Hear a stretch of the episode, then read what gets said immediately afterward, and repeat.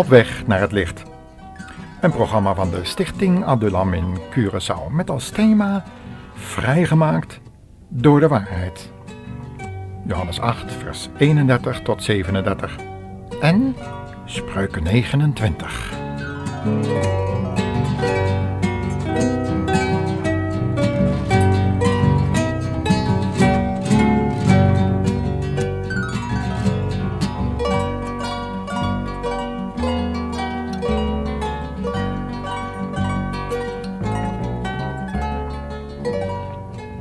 Kan wel eens heel moeilijk gaan in je leven, hè? Dat je door de leugen in problemen bent gekomen waar je ook niet meer uit kan komen.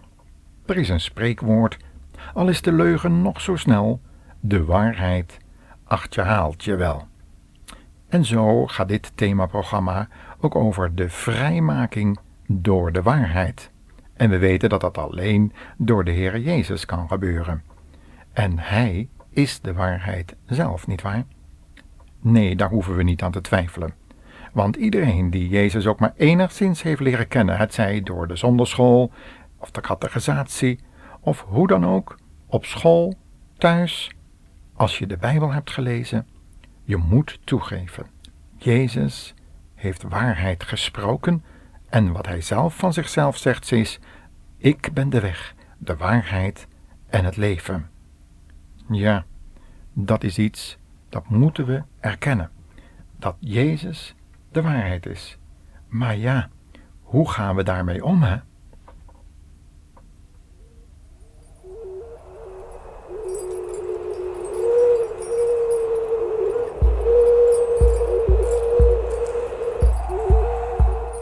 Hij zat tegenover mij, met het hoofd tussen zijn handen. Er was dan ook heel wat te verwerken. En de vrees voor de gevolgen die de openbaarmaking van de waarheid voor hemzelf en zijn familie zouden kunnen hebben, stond op zijn gezicht te lezen. Ik wees hem erop dat toch, ondanks zijn vrees voor de gevolgen, het slechts de waarheid was die hem van de zondemacht kon bevrijden. En ik las hem daarom uit Johannes 8, vers 31 tot 37 voor. Daar staat het volgende. Jezus zei tegen de Joden die in hem geloofden: Als u zich werkelijk houdt aan wat ik zeg, bent u werkelijk mijn discipelen. Dan zult u de waarheid kennen en door de waarheid bevrijd worden. Maar ze zeiden: Maar wij zijn nooit slaven geweest en stammen af van Abraham. Hoe kunt u nou zeggen dat wij bevrijd moeten worden? Maar Jezus antwoordde: Vergis je niet. Ieder die zondigt is een slaaf van die zonde. En een slaaf heeft geen enkel recht, maar een zoon, die heeft alle rechten. En als u door de zoon van God wordt bevrijd, ja, dan zult u pas werkelijk vrij zijn.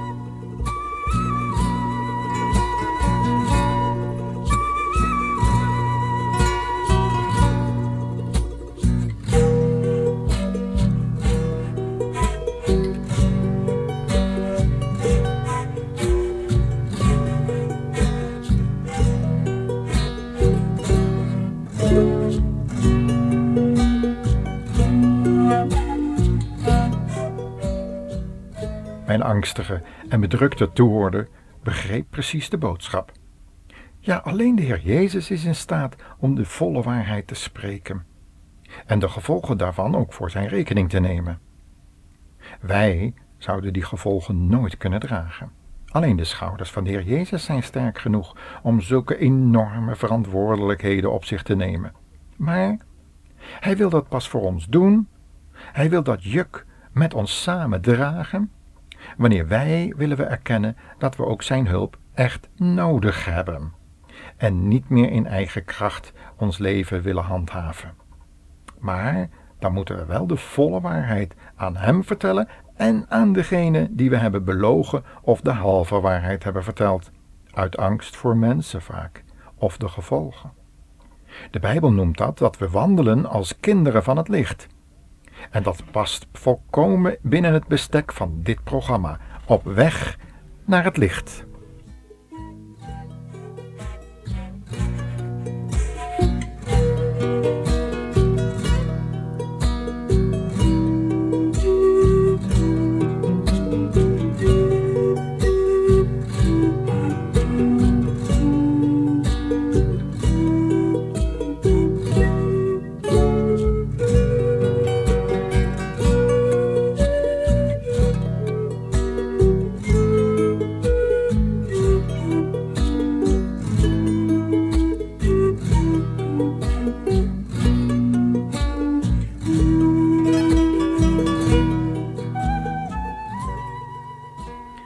Laten we nu samen eens lezen waar de problemen eigenlijk precies liggen als het erom gaat om de waarheid met elkaar te spreken en in het licht van Gods woord te wandelen.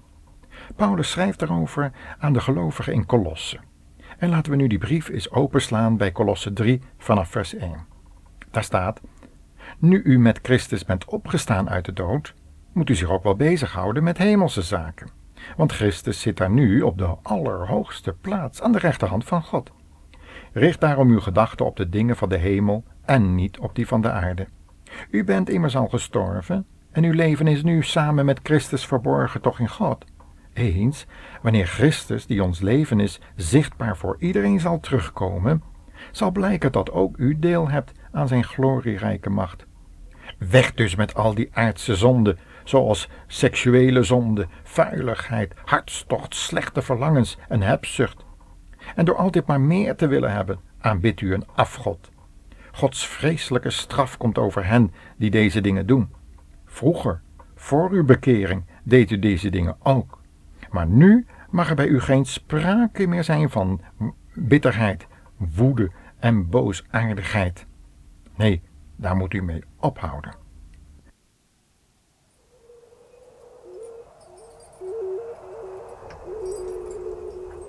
Ik las kort geleden in de krant het volgende: kinderporno in tekenfilms.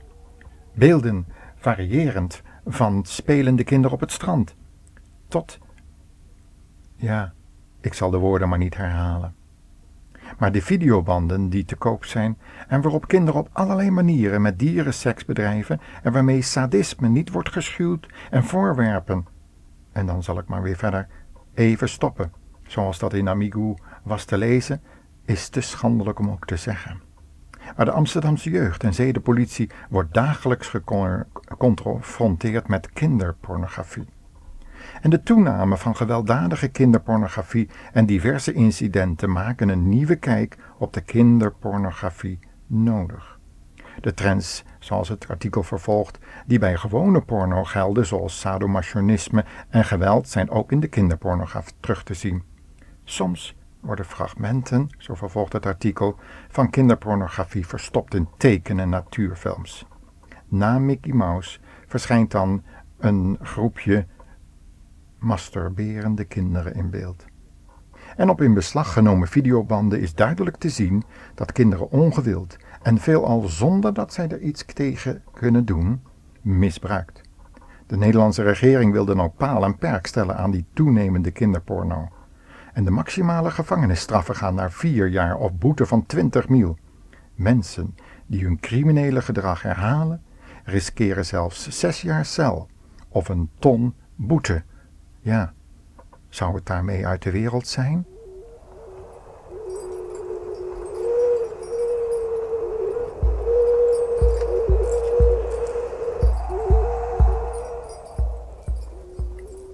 Nee, beste luisteraar, ik denk niet dat het daarmee uit de wereld is. Want het is er nog steeds en het was er toen. Ook in het Oude Testament werd tegen dit soort praktijken gewaarschuwd. En wist u waarom de de kinderen van Israël toen de tijd het beloofde land werd beloofd. Omdat in dat land Canaan dit soort dingen, die nu openlijk de amigo halen en soms zelfs de koppen van de kranten sieren, nou ja, sieren, maar dat dat de reden was waarom God die inwoners van die landen eruit wilde verdrijven. Het zij doordat ze overwonnen werden door de legers van Israël. Het zij doordat ze aan allerlei pestilentiën en ziekten werden overgeleverd aan de dood, zoals dat tegenwoordig gebeurt met aids en allerlei vormen van kanker die ontstaan zijn door een slecht gedrag in het seksuele leven, want ook dat is inmiddels medisch bewezen dat dat kan. Sommige vormen van baarmoederhalskanker ontstaan namelijk door een slechte onderhoud van het lichaam van die lichaamsdelen die daarmee te maken hebben bij de man. Daarom moesten de mannen in Israël dan ook besneden worden. Een van de redenen was een medische reden, zodat het zaakje schoon bleef en er een kleine kans slechts overbleef tot dit soort vormen van ziekten die ongeneeslijk zijn. Wij leren door de schrift te lezen, het afleggen van de leugen en het aandoen van de nieuwe mens. Beste luisteraar, heeft u dat al gedaan? Bent u in staat om dat nieuwe leven te leiden? Uh, dan moet u zeggen dat dat eigenlijk niet kan. Dat u ook wel eens ervaren zult hebben: het goede wat ik wil, doe ik niet, maar het kwade wat ik niet wil, dat doe ik. Zoals Paulus dat in Romeinen 7 heeft beschreven. Maar gelukkig, dan is er hulp en kracht en moed en doorzettingsvermogen bij de Heer Jezus te vinden. Gelukkig dat er bij Hem altijd hoop is.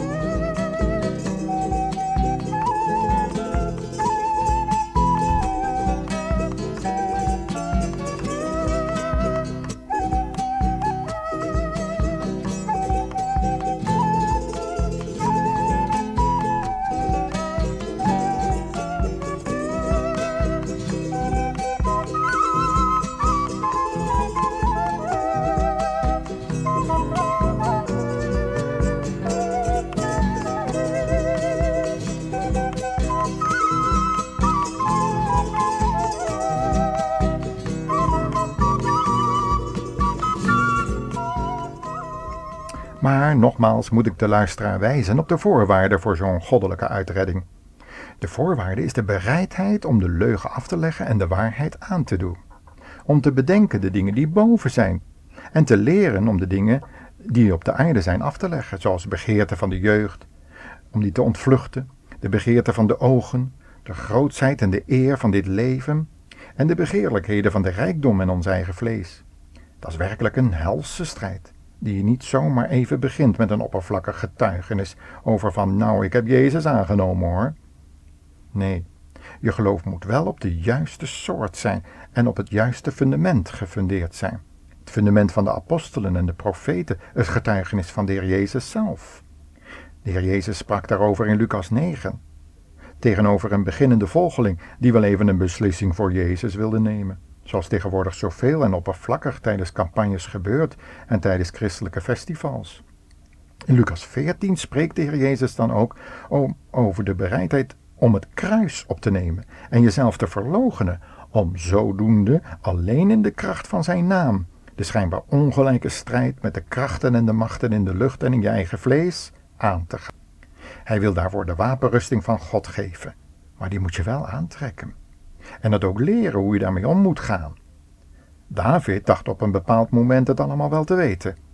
In 2 Samuel 5 en 6 lezen we erover. Hij wilde die ark op de plaats van bestemming brengen, de ark die in de tempel thuis hoorde. Maar hij deed het op een verkeerde manier door geen rekening te houden met wat erover geschreven was hoe je met die ark om moest gaan, geschreven in het woord van God. En hij verloor daarmee een van zijn dienstknechten. En hij raakte daar zelf door depressief, want hij bedoelde het allemaal zo goed. En zo bedoelden veel jonge gelovigen het prima. Aan die motieven hoeven we niet te twijfelen. Maar ze maken geen gebruik van de gegevens die God heeft gegeven in zijn woord. Hoe we moeten omgaan met lofprijs en aanbidding. En hoe ons leven in overeenstemming moet zijn met Gods gedachten. En onze handelingen in overeenstemming moeten zijn met wat er in het woord van God staat. Beste luisteraar, we willen met deze waarschuwing eindigen. Maar Gods woord is duidelijk genoeg. Je kunt heel enthousiast zijn en toch helemaal in de war raken door valse mystiek en de wonderbaarlijke krachten die ook de Satan binnen de christenheid momenteel doet en eigenlijk altijd gedaan heeft. Daarom laat u niet verleiden door valse Jezusen en een vals evangelie, maar neem de Heer Jezus aan op zijn woord. Neem de Bijbel Toets alles en behoud het goede. God geven u dat u het geheim leert kennen van een overwinnend christenleven. Gods genade zij met u.